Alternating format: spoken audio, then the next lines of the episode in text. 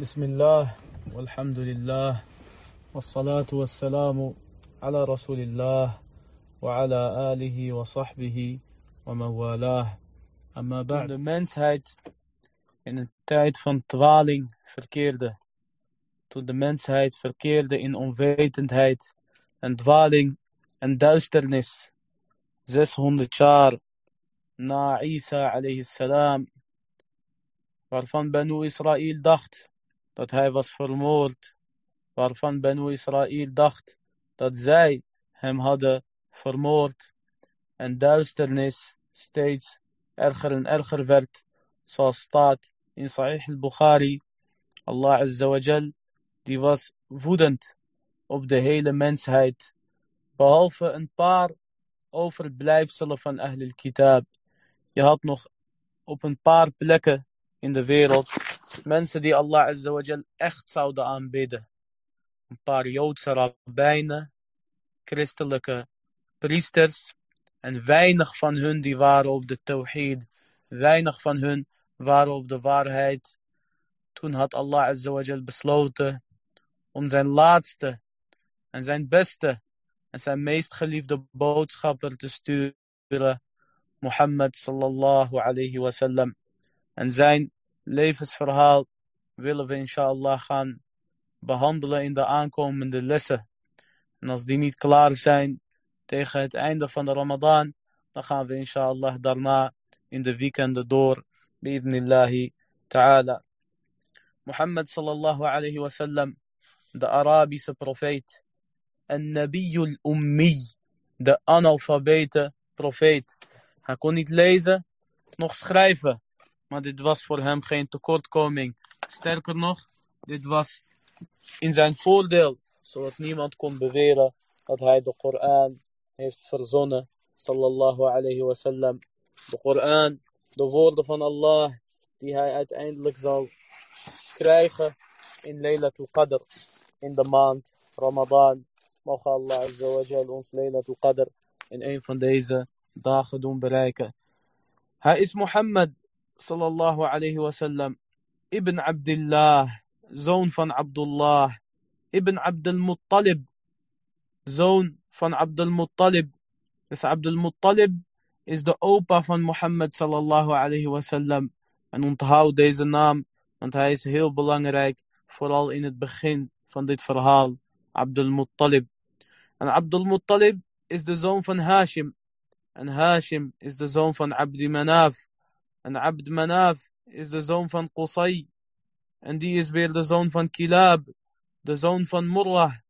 Ibn Ka'b. Ibn Lu'ay. Ibn Ghalib. Ibn Fihr. Ibn Malik. Ibn Nadr. Ibn Kinana. Ibn Khuzaymah. So, Khuzaymah is de zoon van Mudrika. Mudrika ibn Ilyas. Mudrika is de zoon van Ilyas. En Ilyas is de zoon van Mudar. En Mudar is de zoon van Nizar. En Nizar is de zoon van Ma'ad. En Ma'ad is de zoon van Adnan. Dit is de afkomst, dit is de stamboom van de profeet sallallahu alayhi wasallam. Zoals staat in Sahih al-Bukhari. Tot hier zijn alle geleerden het over eens. Voor de rest is er meningsverschil wie zijn voorvaders precies zijn, totdat we aankomen bij Ismaïl alayhi.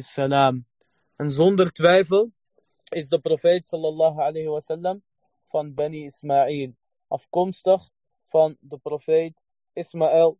En Ismaïl is weer de zoon van Ibrahim alayhi. Zoals we zeiden tijdens de biografie van Ibrahim alayhi. Ibrahim had twee zonen. Ismaïl en Ishaq. Ismaïl was zijn eerste zoon via Hajar, de Koptische Egyptische vrouw. En Sarah is weer de moeder van Ishaq. En alle profeten, na Ibrahim, na Ismaïl, na Ishaq, die zijn allemaal van Banu Ishaq. Die zijn allemaal van Banu Ishaq. En de zoon van Ishaq is Yaqub. En dat is Israël. En de profeten daarna waren van Banu Israël. En sommige van hun, net als Ayyub, etc. Over hun is gezegd dat zij van de Romeinen waren, van Benu Is. Maar Ismaïl, uit zijn nageslacht, is er maar één profeet gekomen. En dat is niet zomaar een profeet, dat is een profeet die zwaarder weegt dan alle profeten bij elkaar. Dat is Mohammed sallallahu alayhi wasallam. Dus Mohammed is een Arabier, een Arabische profeet. Maar het verschil tussen Mohammed sallallahu alayhi wasallam en de rest van de profeten is dat alle profeten werden gezonden naar een speciaal of specifiek volk of een specifieke tijd. Maar de boodschap van Mohammed sallallahu alayhi wasallam, die is voor elke tijd en voor elk werelddeel. Je kan de islam praktiseren in de Sahara, in de woestijn van Saudi-Arabië.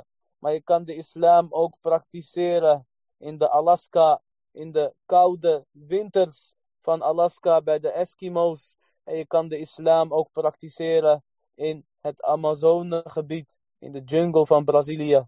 Op de Noordpool of op de Zuidpool. In het oosten, in het verre oosten, in China of in het westen in Nederland. De islam is zo perfect. De islam is zo sterk. De islam is zo breed dat deze geschikt is voor elke tijd en voor elke plek. En dit is de boodschap van Mohammed sallallahu alayhi wasallam. Dus dit is de laatste profeet.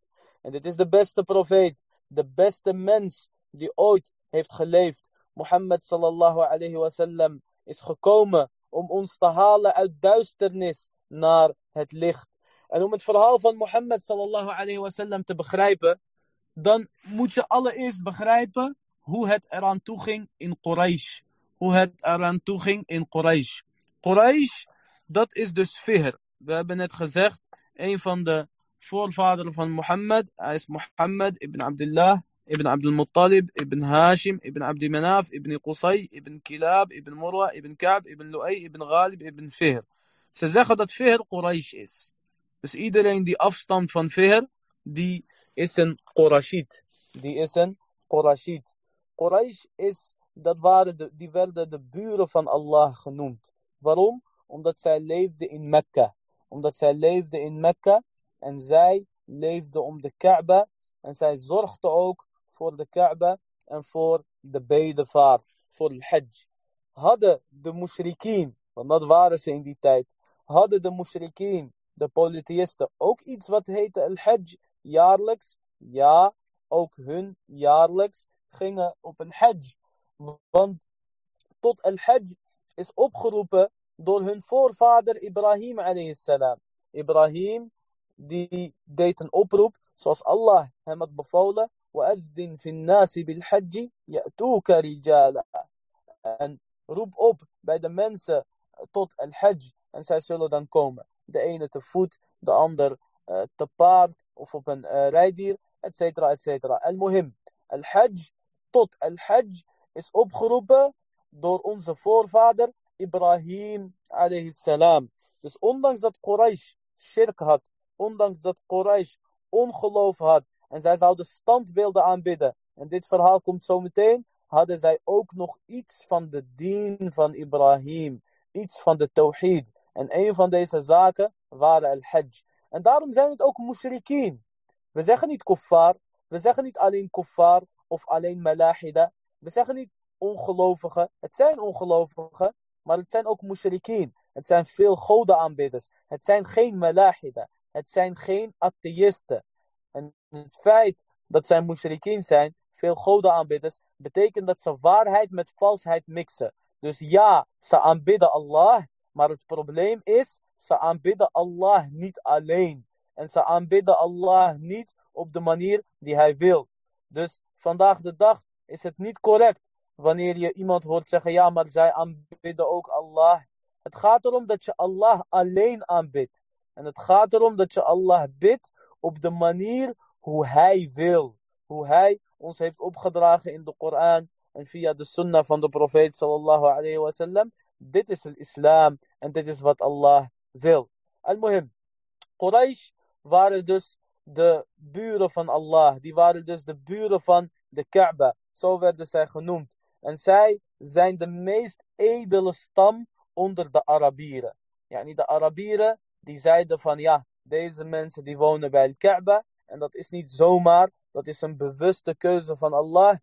Dus zij waren de meest edele en de meest nobele Arabieren.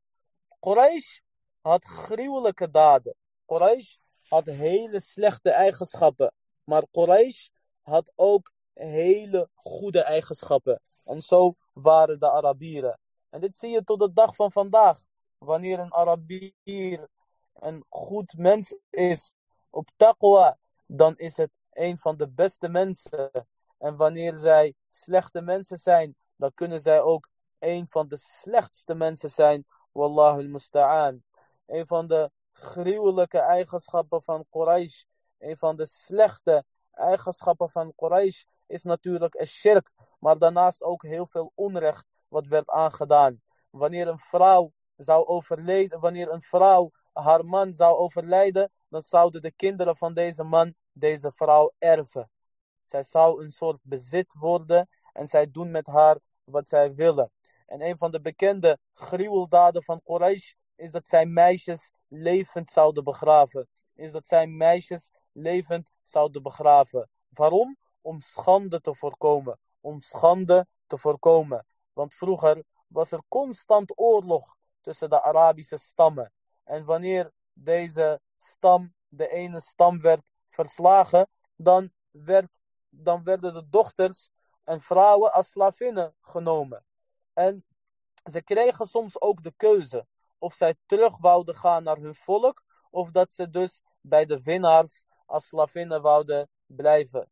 En de geschiedenisboeken die vertellen dat het een keer voorkwam dat de dochter van de leider van een bekende Arabische stam, en die heette Rabi'a, deze stam, die heette Rabi'a, zij koos ervoor om slavin te blijven en sindsdien heeft hij gezworen om elk meisje te begraven. En sindsdien is dat de slechte gewoonte in de, van de Arabieren die niet is opgeheven totdat Mohammed sallallahu alayhi wasallam is gekomen met de islam. En daarom zegt Allah azza wa jal in surat al-takwir, إذا الشمس كورت daarin zegt Allah azza wa jal وإذا الموءودة سئلت بأي ذنب قتلت en als de levend, het levend begravend meisje wordt gevraagd met welk zonde bent u vermoord? Met welk zonde ben jij vermoord? Dit was dus een van de slechte eigenschappen van Quraysh. Een van de slechte eigenschappen van Quraysh was ook dat ze bijgeloof hadden. Dat als ze een ekster zagen of een kraai terwijl zij op reis wouden gaan en zij liepen naar buiten en dan zagen ze een uil of een ekster of een kraai, dan durfden zij niet meer. En zij keken, zij gooiden soms vogels in de lucht als zij op reis waren. Vlogen de vogels naar rechts, dan was dit een goed teken. Vlogen de vogels naar links, dan is dit een slecht teken. En met dit zouden zij hun keuzes verbinden. Dit is natuurlijk een shirk en een koffer. En dit is ook logisch gezien, dit is ook rationeel gezien, is dit totaal onlogisch. Billah. Ook was er, was er een slechte eigenschap bij Quraysh. En dat is dat als zij een sterke zoon wouden gaan, dan zouden zij hun vrouwen sturen naar een man. Dan zouden zij hun vrouwen sturen naar een dappere man. Nadat hun vrouwen hun periode kregen en weer rein werden, dan stuurde iemand van Quraysh zijn vrouw naar een hele sterke ruiter en een dappere man. En dan zou hij tegen haar zeggen: Blijf bij hem totdat jij zwanger van hem wordt. En ze lieten hun eigen vrouwen zina plegen. Billah. Ze lieten hun eigen vrouwen zina plegen in de hoop een dappere zoon uh, te krijgen. En ook wat ze deden, is dat je bepaalde zinnen, tafereelen openlijk hadden. Zij zouden dan een soort van teken zetten op de deuren van, van zo'n prostituee. En dan kwamen de mannen met haar zinnen hebben. En dan mocht zij uitkiezen wie de vader zou zijn van dit kindje. Dus wat zij hadden was verderf. En wat zij hadden was shirk. En wat zij hadden was zina en alcohol. Die vloeide ook in overvloed. En vele andere slechte eigenschappen. Maar Quraysh, die hadden ook goede eigenschappen. En de Arabieren, over het algemeen, die hadden ook goede eigenschappen. En deze eigenschappen heeft er eigenlijk voor gezorgd dat zij geschikt waren, dat zij een geschikt ondergrond waren om Mohammed sallallahu alayhi wasallam tussen hun te sturen. Yani Mohammed, de meest geschikte plek was Mekka. het heilige land en de meest geschikte volk voor het dragen en het verspreiden van de islam, dat waren en dat zijn de Arabieren. Waarom? Vanwege genetische eigenschappen die zij hebben gekregen van Allah Azza vanwege karakteristieke eigenschappen waarvan elke Arabier een beetje of veel heeft en de rest van de mensheid. Maar over het algemeen, de Arabieren die waren dus zeer geschikt voor van de oproep van sallallahu alayhi. Wat zijn deze goede eigenschappen die de Arabieren geschikt hebben gemaakt om de da'wa van Mohammed sallallahu alayhi aan te horen en deze ook in de toekomst te verspreiden? Een van de grootste eigenschappen is dat het een dapper volk was. Dat het een dapper volk was. De Arabieren hadden bijvoorbeeld geen koningen. De Arabieren die hadden geen koningen. Die accepteerden dat niet. Dat iemand hun koning was of dat iemand hun leider was. Dus de Arabieren die accepteerden niet om voor een ander te werken. En zij waren dus onderling met stammen. Ze hadden gewoon eervolle mensen die zij zouden eren en zouden op zich selectief gehoorzamen. Maar er was geen ultieme leider. Net als bij de Romeinen had je natuurlijk Caesar of Heraclius. En bij de Perzen had je Kisra. Bij de Perzen had je een koning. Bij de uh, Romeinen had je een koning. Bij de Habasha, de Abyssiniërs, had je een koning in Ethiopië, etc. Maar bij de Arabieren had je geen ultieme koning. En dat kwam dus omdat zij dappere, strijdvaardige mannen waren. En deze eigenschap, als die wordt omgevormd en omgezet en omgeduwd richting het goede, dan heb je daar heel veel aan. Zij waren dus vrijgevochten mannen. En een van de goede eigenschappen die de Arabieren hadden, was vrijgevigheid. De Arabieren hebben de, de, de meest unieke en de meest bijzondere voorbeelden als het gaat om vrijgevigheid. Als er een gast kwam, als er een gast kwam, dan zouden zij hun enige kameel, die zij gebruikten als rijmiddel en een manier om, vervoerd te worden. En die kameel gaf hun ook melk, etc. Zonder twijfelen, zonder te twijfelen, zouden zij hun kameel slachten. En een heel schaap slachten. En een koe. En ja, zelfs de armen van hun, vrijgevigheid was bij hun het allerbelangrijkste. Eer en status, dat was bij hun het allerbelangrijkste. En dat maakte hun geschikt voor het dragen van deze da'wa al-Muhammadiyah. En ook wat de Arabieren hadden, wat de Arabieren hadden, was, uh, was uh, het nakomen van de belofte. Het nakomen van de belofte. En daar stonden ze heel bekend om. En hierover zijn geweldige verhalen over geleverd. Wat betreft vrijgevigheid, een keer kwam er een onbekende gast bij een Bedouine. En deze Bedouine had geen vlees. En deze Arabieren, als zij geen vlees voor jou zouden zetten in het bord, alsof ze niks hadden gedaan. Dat is ook zo bij ons vandaag de dag.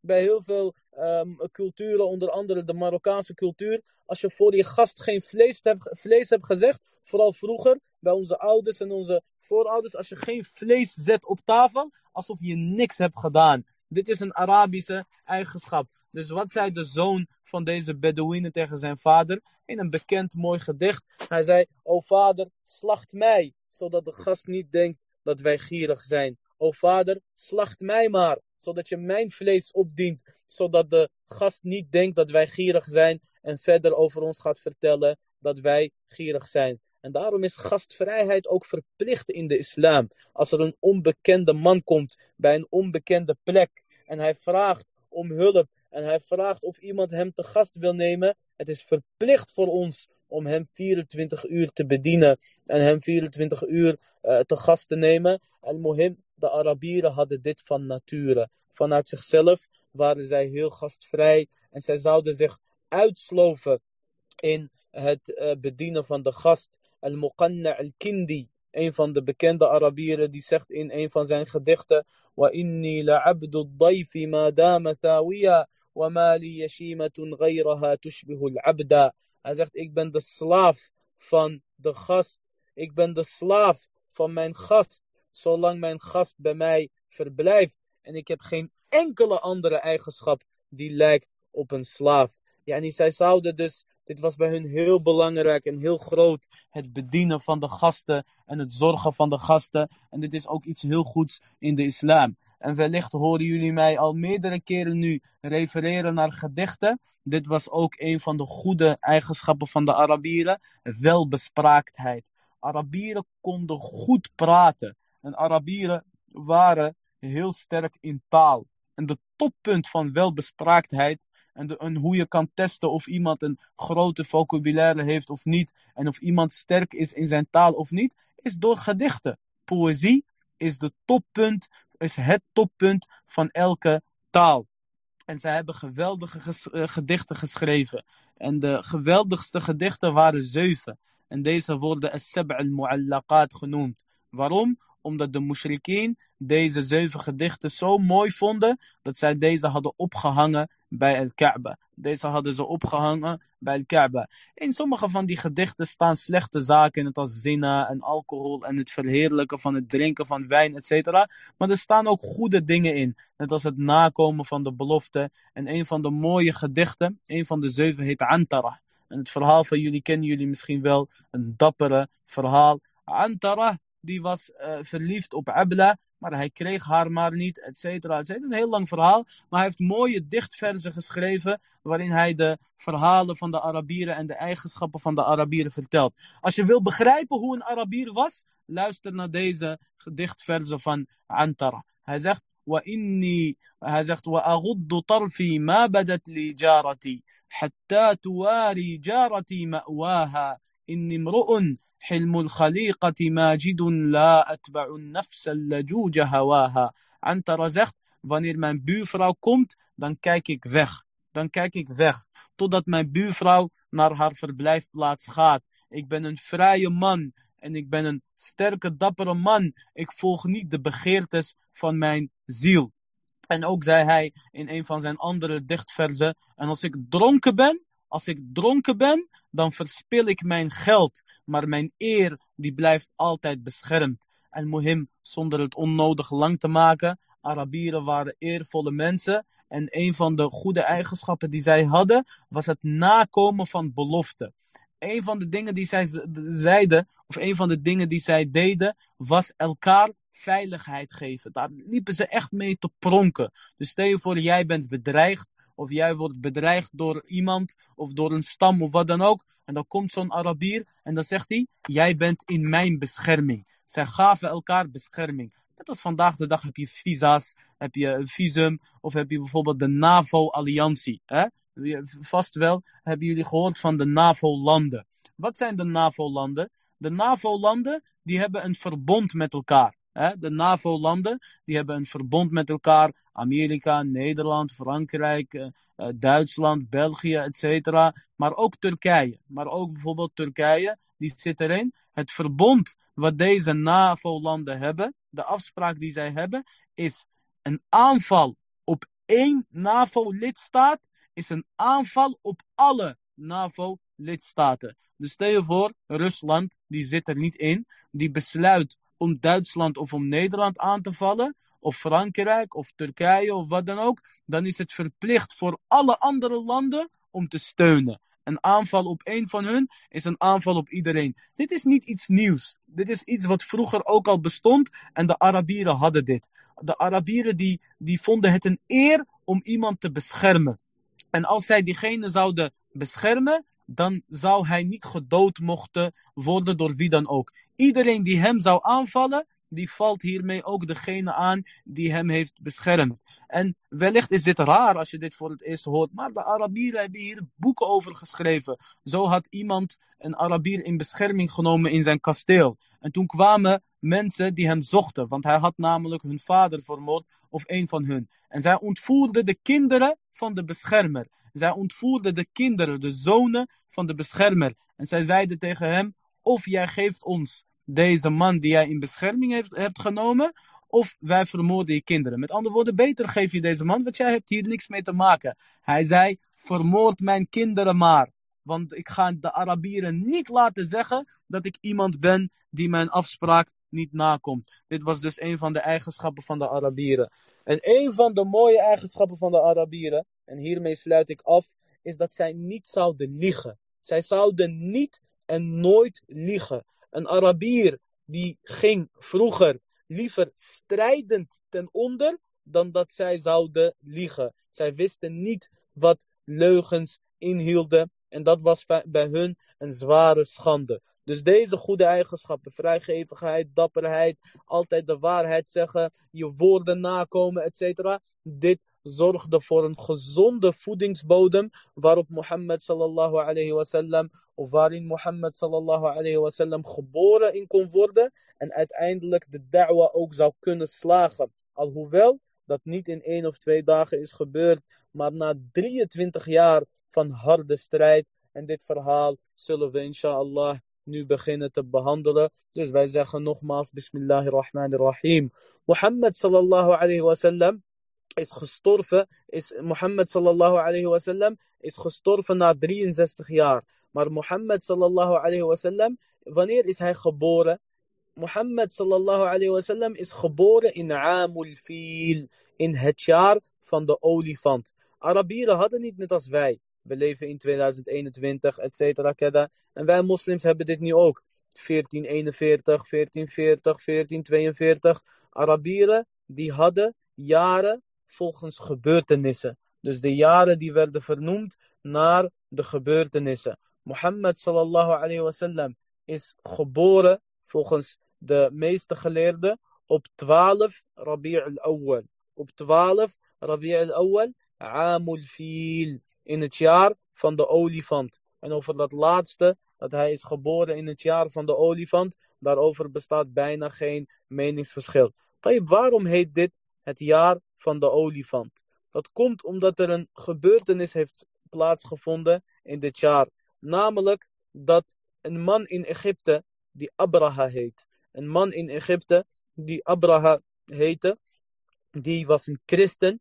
En hij stond onder leiding van een Najashi, de leider van Abyssinia. En hij had in Jemen had hij een hele grote kerk gebouwd. Hij had een hele grote kerk gebouwd in Jemen. En hij gaf iedereen de opdracht om een hajj te verrichten naar el Jemen. Maar de Arabieren, ondanks dat zij mushrikeen waren, zij zouden el hajj verrichten richting Mekka. En Quraysh, die was dus de verzorger van el hajj. Zij slachten toen honderden kamelen en zij deelden dadels uit en, en water en melk, et cetera. Iedereen kon gratis eten en drinken in die dagen. Daar stond Quraysh bekend om. En die edelheid, dat maakte hun ook de leiders van de Arabieren. Dus deze man, die had een kerk gebouwd. Deze man, die had een kerk gebouwd en die zei, iedereen moet dus jaarlijks een hajj komen verrichten naar deze kerk. Maar niemand was bijna christen van de Arabieren. En iedereen deed de hajj naar de Kaaba. Dus de Kaaba die zat Abraha in de weg. De Kaaba die zat Abraha in de weg. En hij besloot de Kaaba te gaan slopen. Zodat de mensen naar hem zouden komen voor het verrichten van de hajj. En in sommige geschiedenisboeken wordt ook nog eens vermeld dat de Arabieren boos waren. De Arabieren die waren boos van hoe durft deze man een, een, een, een, eh, kerk te, te bouwen en mensen te bevelen daar een hajj naartoe te verrichten. Dus een Arabier die ging s'nachts stiekem en hij verspreidde zijn ontlasting in deze kerk. En daardoor werd Abraha nog kwader. Wat 100% is gebeurd, is dat Abraha richting Mekka ging om Mekka en dus de Kaaba te vernietigen. Het huis van Allah wou hij vernietigen. En in zijn leger had hij olifanten. En in zijn leger had hij olifanten. En de Arabieren die hadden nog nooit olifanten gezien. Dus hij ging richting de Kaaba. En de Arabieren die wisten, dit is een strijd die zij niet gaan winnen. Hier komt het verhaal van Abdul Muttalib. Abdul Muttalib is de opa van Mohammed sallallahu alayhi wasallam. En hij, is, hij was dus de leider van Quraysh. En nogmaals, dit was officieus. Niet officieel aangesteld als leider, maar officieus was hij de leider en hij was de vooraanstaande en naar hem werd geluisterd en hij regelde dus de belangrijkste zaken bij al-Hajj. En hij had 200 kamelen en die waren dus afgepakt door het leger van Abraha. Terwijl Abraha zich klaar maakte om Mekka te belegeren en Mekka aan te vallen en el Kaaba te slopen. En hij vroeg om een gesprek met Abraha. Hij vroeg om een gesprek met Abraha. En Abraha die zei, laat hem maar komen. Laat hem maar komen. En Abraha die wist, dit is de leider van Quraysh. En hij zal vast komen smeken en bedelen, zodat ik de Kaaba met rust laat. En zodat ik zijn gebedsplaats, gebedsplaats niet ga vernietigen. En Abdul Muttalib die kwam binnen bij Abraha. En hij had het alleen maar over zijn 100 of 200 kamelen die waren gestolen. En toen zei Abraha tegen hem: Ik sta op het punt om jouw huis te breken. Ik sta op het punt om jullie gebedsplaats te vernietigen. En het enige waarover jij praat, dat zijn jouw 200 kamelen. Ik had jou heel hoog in aanzien. Ik had jou een hoge status gegeven, maar in mijn ogen ben je nu niks meer waard. Jouw status is bij mij totaal gevallen. En toen zei Abdul Muttalib zijn wereldberoemde woorden. En toen zei Abdul Muttalib zijn zeer bekende woorden bij elke Arabier. Abdul Muttalib die zei tegen Abraha. Ik ben de Heer van de kamelen. En dit huis heeft een Heer die haar gaat beschermen. Oftewel, Allah gaat de Kaaba beschermen als Allah niet wil dat El Kaaba wordt vernietigd. Ik kan niet tegen jou vechten. Je bent te sterk met je, met je olifanten en met je leger, etc. Maar wij weten wel, dit is een heilig huis. Dit laat ik over aan Allah Azza wa Jal.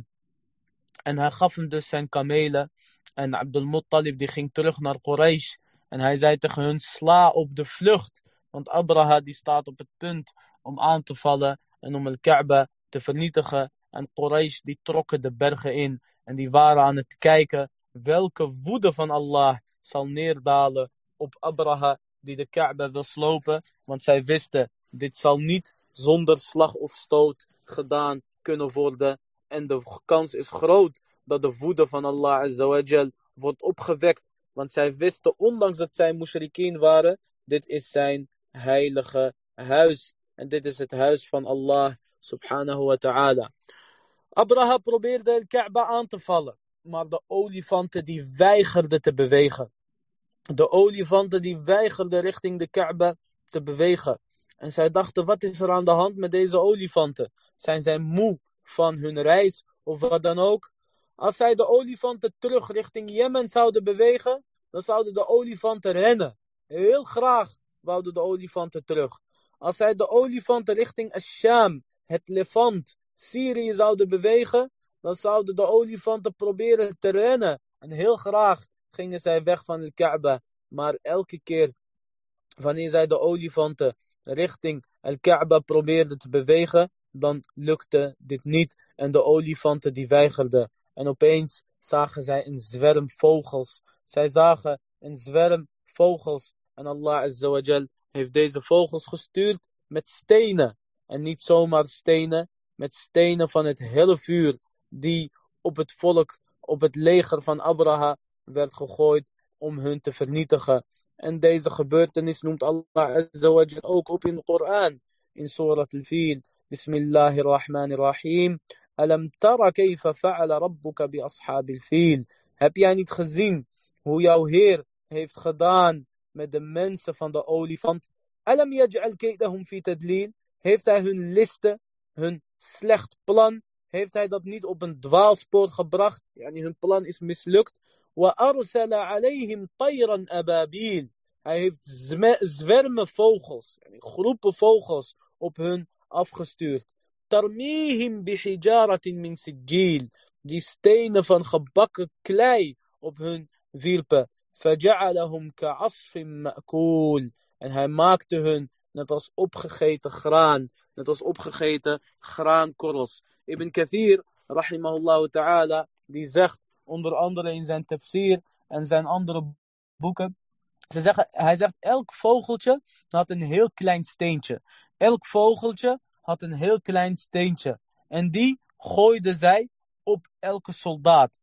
Maar het zou van zijn hoofd erin gaan en het zou hem helemaal verbranden en weer naar buiten gaan via de andere kant. Yani, dit waren niet zomaar stenen, dit waren stenen uit de helle vuur. En dit was een straf van Allah Azza Toen dit gebeurde, steeg de waarde van Abdul Muttalib bij de mensen. Steeg de waarde van Abdul Muttalib bij Quraysh. En zijn leiderschap werd nog meer verstevigd bij Quraysh.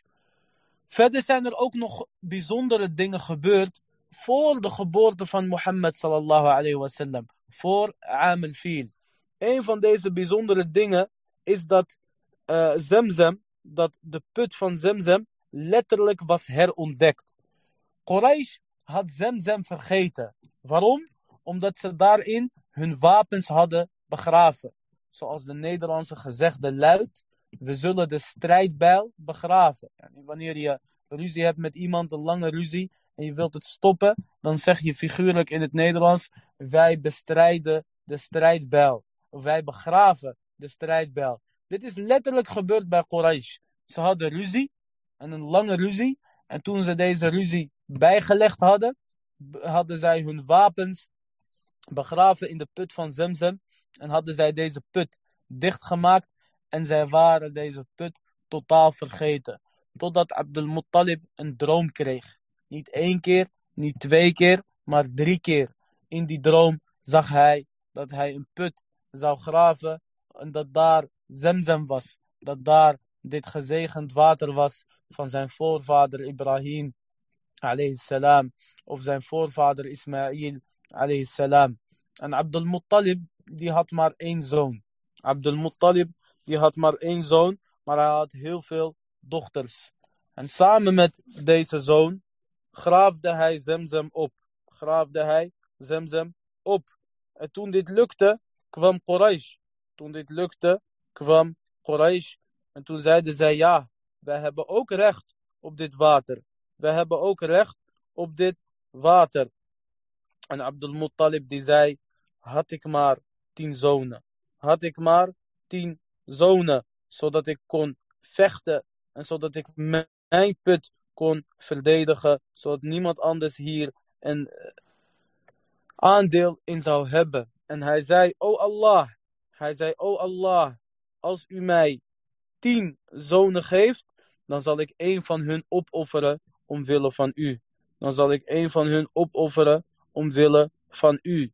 En zo gezegd, zo gedaan. Hij kreeg tien geweldige zonen. Een van zijn zonen was dus Al-Abbas, de vader van Abdullah ibn Abbas. En die zou uiteindelijk ook moslim worden, radiyallahu anh. En een van zijn zonen was Hamza, de leeuw van Allah. Hamza ibn Abdul Muttalib. En hij zou later ook moslim worden, radiyallahu anh. En hij is gesneuveld, hij is gestorven als martelaar tijdens het slagveld van Uhud. En Zubair is een van zijn zonen. Al-Harith, eh, Dirar en Abu Lahab. Tabbat yada Abi Lahab wa tab. En dat was een hele slechte zoon van de mushrikeen. Dat was zijn slechtste zoon. Maar hij had ook een andere zoon van onder de, de mushrikeen kinderen van Abdul Muttalib. En hij was goed qua karakter, maar slecht qua geloof. En dat was Abu Talib. Dat was Abu Talib. En dat is de vader van Ali radiallahu anh. En deze naam moeten jullie ook onthouden. Want die zal vaak voorkomen verder in dit verhaal. Ala kulli haal, Abdul Muttalib, zijn wens werd eindelijk vervuld. Hij kreeg tien zonen. En hij moest natuurlijk zijn belofte waarmaken. Namelijk dat hij een van zijn zonen zou opofferen. Dus hij liet een loodje trekken. Hij deed een qura. Een qura is te vergelijken met loodjes trekken. Hoe je dat doet, maakt niet heel veel uit. Sommigen doen het met pijlen, sommigen doen het met uh, stenen, sommigen doen het met... En ze hadden een soort van qadah, ze hadden een aqdah, een soort van bekers. En wiens uh, lot eruit zou komen, diegene was degene die dus geofferd moet worden. En wiens naam kwam eruit? De naam van Abdullah, de vader van de profeet sallallahu alayhi wasallam. En op dat moment was Abdullah ongetrouwd. Op dat moment was Abdullah ongetrouwd. Maar hij was wel de meest geliefde zoon bij Abdul Muttalib. Bij Abdul Muttalib was Abdullah de meest geliefde zoon. Dus Abdul Muttalib wou hem eigenlijk niet slachten. Abdul Muttalib die wou Abdullah niet slachten, maar het moest wel. Het moest wel en het kon niet anders, want dit was de belofte die hij aan Allah had gegeven. En zoals we zeiden in het begin van de les, de Arabieren, die kwamen hun beloftes altijd na, ten koste van wat dan ook. Dus Abdul Muttalib die stond om het punt om Abdullah te slachten. Maar heel Quraysh probeerde hem tegen te houden. En ook zijn zonen, die probeerden hem tegen te houden. En hij zei, ik heb een belofte gedaan. Hoe kom ik van mijn belofte af? Ik kan niet van mijn belofte afkomen en ik kan mijn belofte niet nakomen. Toen zeiden zij, kom. Toen zei Quraysh tegen hem, kom. We gaan naar een waarzegster in het Hijaz. Een waarzegster in het Hijaz. Richting Jeddah of wat dan ook. Het Hijaz is, is Mekka, Medina en Jeddah. En de omgeving daaromheen. Ze zeiden, kom, we gaan naar een waarzegster in het Hijaz. En deze waarzegster, die heeft een tabi' die heeft een duivel met wie zij werkt. Wellicht dat zij kennis heeft hoe wij van deze belofte af kunnen komen. Hoe wij van deze belofte af kunnen komen. En als je dan toch moet slachten, dan ben je in ieder geval geëxcuseerd. Als jij dan toch Abdullah, jouw zoon, moet en wil opofferen, dan ben je in ieder geval geëxcuseerd. Zo gezegd, zo gedaan. Zij gingen naar deze waarzegster. En deze waarzegster, die zei tegen hun, wacht totdat mijn tabi' komt. Totdat mijn duivel komt met informatie. En Abdul Muttalib, die was vreselijk veel dua aan het verrichten al deze tijd. Want hij wou zijn meest geliefde zoon, Abdullah, niet slachten. Maar hij wist ook niet hoe hij van deze belofte af zou moeten komen. En de waarzegster die zei tegen Abdul Muttalib, ja Abdul Muttalib, wat doen jullie als jullie iemand doden? Wat doen jullie als, iemand, als jullie iemand doden? Wat is de schadevergoeding? Hij zei, tien kamelen. Zij zei tegen hem, plaats de naam van Abdullah op één plek. Of plaats de naam van Abdullah in een, in een qadah, in een soort van beker. En tien kamelen, of een, een, een lot met tien kamelen erop, ook in een beker. En kijk welke van de twee loten eruit komt. Kijk welke, welke van de twee loten eruit komt. Als de naam van Abdullah eruit komt, blijf doorgaan, blijf doorgaan, blijf doorgaan, totdat de kamelen eh, lot eruit komt. En na hoeveel keer dat ook maar is gebeurd, zoveel kamelen moet je slachten, zodat Abdullah vrij is en mag blijven leven. Dus stel je voor, eerste keer, tweede keer, derde keer uh, komt Abdullah eruit, dan moet hij doorslachten, 20 kamelen. Derde keer weer Abdullah, 30 kamelen. Totdat de lot van de kamelen eruit komt. Zo gezegd, zo gedaan. Hij bleef dit doen en hij bleef dit tien keer herhalen. En na tien keer kwam eindelijk het lot van de kamelen eruit. Dus in plaats van het slachten van Abdullah, van het offeren van Abdullah, moesten er 100 kamelen geofferd worden. We zeiden net met Abraha 200 kamelen en nu weer 100 kamelen. Kamelen, dat was bij hun net als wat bij ons auto's zijn. Wanneer je zegt 100 kamelen, dan zijn het geen 100 kippen. Maar je moet het zien net als 100 Range Rovers. Zo moet je het zien.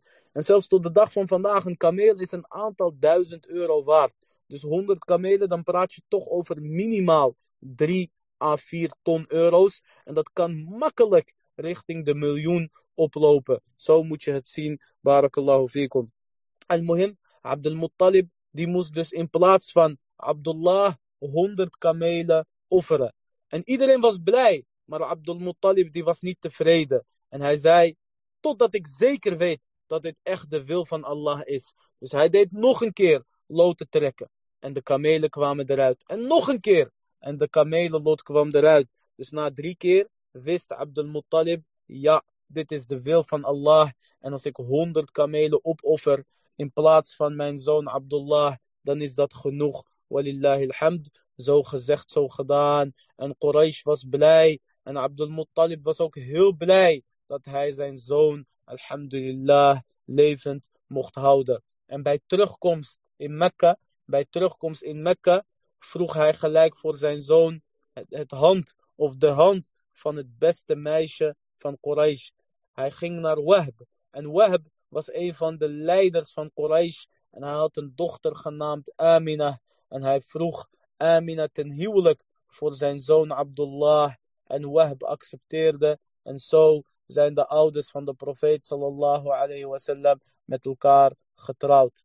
Quraysh, dat waren handelaren. Quraysh, dat waren handelaren. En daarom zie je ook in de Koran, al-Shita'i was-Saif. De reis van de winter en de reis van de zomer. Quraysh zou twee keer per jaar reizen. Eén keer naar Jemen en één keer naar Asham, naar het Levant, Syrië, etc. En dan zouden ze spullen verhandelen. En tegelijkertijd was Mekka centraal. Mekka is, ligt centraal tussen Asham, tussen het Levant, Syrië, etc. en tussen Jemen. En iedereen kwam op Hajj, iedereen kwam op Hajj. Dus de Hajj was, waren niet alleen dagen om te aanbidden, maar ook dagen van grote handel. En Allah Azza wa die zegt ook tegen ons in de Koran dat handelen tijdens het Hajj geen probleem is nadat men zijn aanbiddingen en zijn rituelen heeft gedaan. Abdul Muttalib die trouwde met Amina en Amina die raakte snel zwanger. Afwan Abdullah die trouwde met Amina en Amina die raakte snel zwanger van Abdullah ibn Abdul Muttalib. En Abdullah die was dus een handelaar en die ging op reis. En hij kwam aan in el Medina, de Medina van de profeet sallallahu alayhi wasallam. En die heette toen de tijd Yathrib. El Medina, voor de hijra van de profeet sallallahu alayhi wasallam, die heette Yathrib. Abdullah die kwam daar aan en hij werd ontzettend ziek. En hij stierf voordat hij Mohammed sallallahu alayhi wasallam ooit heeft kunnen zien. Dus onze profeet Mohammed sallallahu alayhi wasallam is een weeskind. En daarom zegt Allah azza in de Koran: Alam yajidka yatiman fa'awa. Heeft Allah jou niet gevonden als weeskind en jou daarna dus een huis gegeven of in ieder geval jou daarna uh, geholpen, etc. Dus Mohammed sallallahu alayhi wasallam, die was een weeskind. Zijn vader Abdullah, die heeft hij nooit gezien. En Abdullah heeft hem ook nooit gezien. En Abdul Muttalib, die was verdrietig met het overlijden van Abdullah. Maar des te meer blij met de geboorte van Mohammed sallallahu alayhi wasallam. Amina, die had een bijzondere zwangerschap. Zij zag een aantal wonderen tijdens haar zwangerschap. En een van de dingen die zij zag, was dat de paleizen van Bosra, dat de paleizen van een stad in Syrië genaamd Bosra, die werden verlicht met licht die uit haar buik kwam. Uit haar buik kwam. Dus zij wist, deze jongen, dit jongetje die ik in mijn buik heb, dat is een bijzondere jongen. En dat is niet zomaar een jongetje. Al-Muhim, zij beviel van Mohammed sallallahu alayhi wasallam. Zij beviel van de Heer der mensheid. En op de dag van de geboorte van Mohammed sallallahu alayhi wasallam zijn er een aantal dingen gebeurd. De bekers vielen om in het paleis van de Perziërs. Hun bekers, etc. vielen om. Yani het paleis van, van de Perzen, dat beefde. En ook het vuur van de magiërs. Het vuur van de magiërs doofde uit. Terwijl dit vuur al duizenden jaren niet was uitgeweest. Wat voor vuur hadden de magiërs? Kan je een beetje vergelijken met het vuur wat je altijd ziet tijdens de Olympische Spelen. Een jaar daarvoor, dan zijn ze bezig met dat vuur van stad naar stad, van plek naar plek. En dat vuur mag niet doven, et cetera. Dit is van de daden van el Majus, van de daden van de vuuraanbidders. En wat er ook gebeurde, is dat er een ster tevoorschijn kwam, waardoor de Joden wisten dat Mohammed sallallahu alayhi wasallam de laatste profeet is geboren. Hassan ibn Thabit radiyallahu anhu, hij zei, ik was in Medina, ik leefde in Medina en ik was een kleine jongen, maar ik kan precies onthouden wat er nog is gezegd. Een Jood die stond op de dak en hij zei, ja ma'shara Yahood, o verzameling van Joden. En hij riep alle Joden bij elkaar. En deze geleerde Joodse man, die zei, Qad zahara najmu Ahmed. De ster van Ahmed is tevoorschijn gekomen. Onder, met andere woorden, de laatste profeet Ahmed, die is geboren. De profeet sallallahu alayhi wasallam, die werd geboren. En Abdul Muttalib, die was zeer blij met hem. Abdul Muttalib, die, richtte, die verrichtte het tawaf. Die verrichtte het tawaf om el Kaaba. En hij zei, O Allah, ik heb hem Mohammed genoemd. O Allah, ik heb hem Mohammed genoemd. En Mohammed, sallallahu alayhi wasallam, dat betekent kathirul hamd. Iemand die Allah vaak prijst. En dat betekent ook iemand die vele goede eigenschappen heeft. Iemand die vele goede eigenschappen heeft. En dit is Mohammed sallallahu alayhi wasallam. En daarom in de islam is het heel belangrijk om goede namen te geven aan onze kinderen. In de hoop dat zij sommige van deze goede eigenschappen zullen overnemen, inshallah. En positiviteit is sowieso belangrijk in de islam. En muhim, Mohammed sallallahu alayhi wasallam, die groeide op bij Abdul Muttalib, zijn opa, en bij zijn moeder Amina.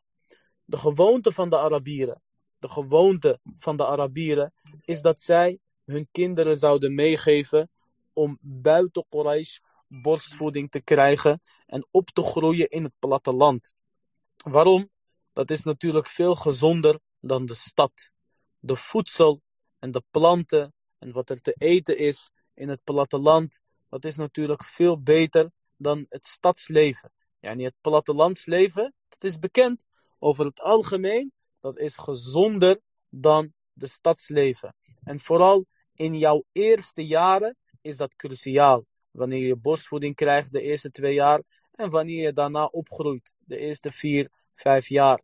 Dus een gewoonte van de Arabieren, en een hele mooie gewoonte, is dat zij hun kinderen zouden sturen naar het platteland, naar zoogmoeders. En die kregen daar dan borstvoeding. En tegelijkertijd, daar werden ze ook sterke mannen. Daar werden ze ook sterke mannen. Want stel je voor, je woont in het platteland vroeger. En je had geen winkels, niks. En je wil brood eten. Je kan niet naar de bakker gaan en brood eten. Je moet er echt over nagedacht hebben. Je moet meel hebben verzameld. Je moet het brood hebben gekneed. Je moet het brood bakken, etc. En mohim, in het platteland word je veel sterker. En moet je veel meer nadenken en logischerwijs opereren. En ook een van de voordelen van het platteland was en is dat hun Arabisch veel sterker is dan het Arabisch van de stedelingen. En dit vonden de Arabieren heel belangrijk. Dit vonden de Arabieren heel belangrijk. Bij stedelingen kreeg je bezoek van het buitenland. Bij het Hajj kwamen misschien ook mensen die niet Arabieren waren. Je kwam verschillende culturen tegen en je had invloeden en beïnvloeding van andere culturen. Dit verzwakt de Arabische taal van een klein kind.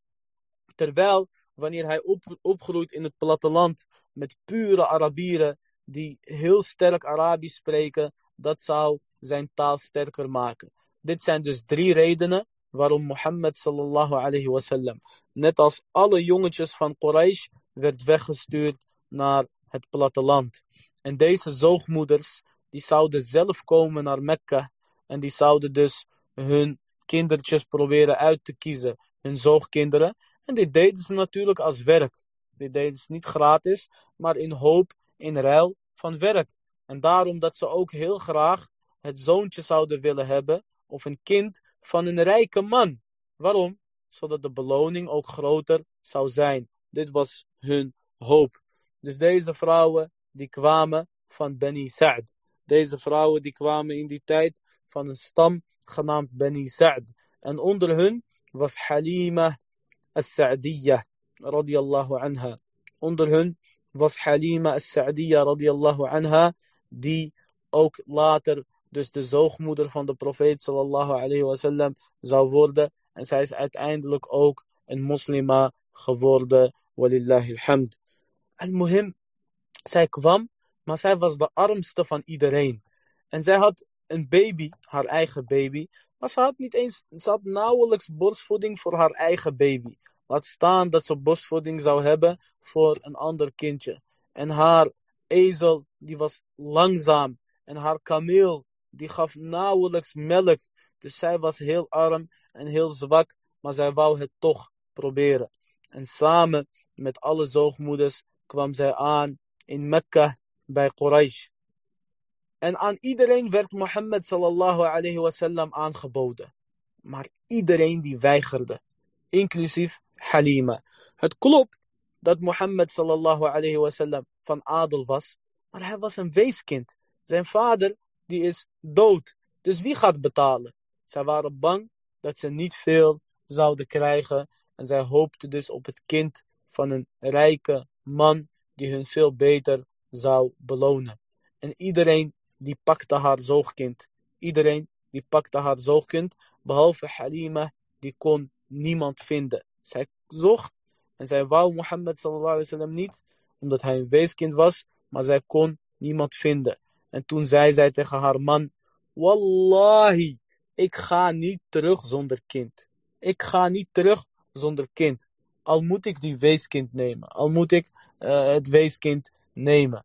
En toen zei haar man, neem maar dat weeskind. Wellicht dat Allah azawajal baraka in hem zet. Wellicht dat Allah azawajal baraka in hem zet.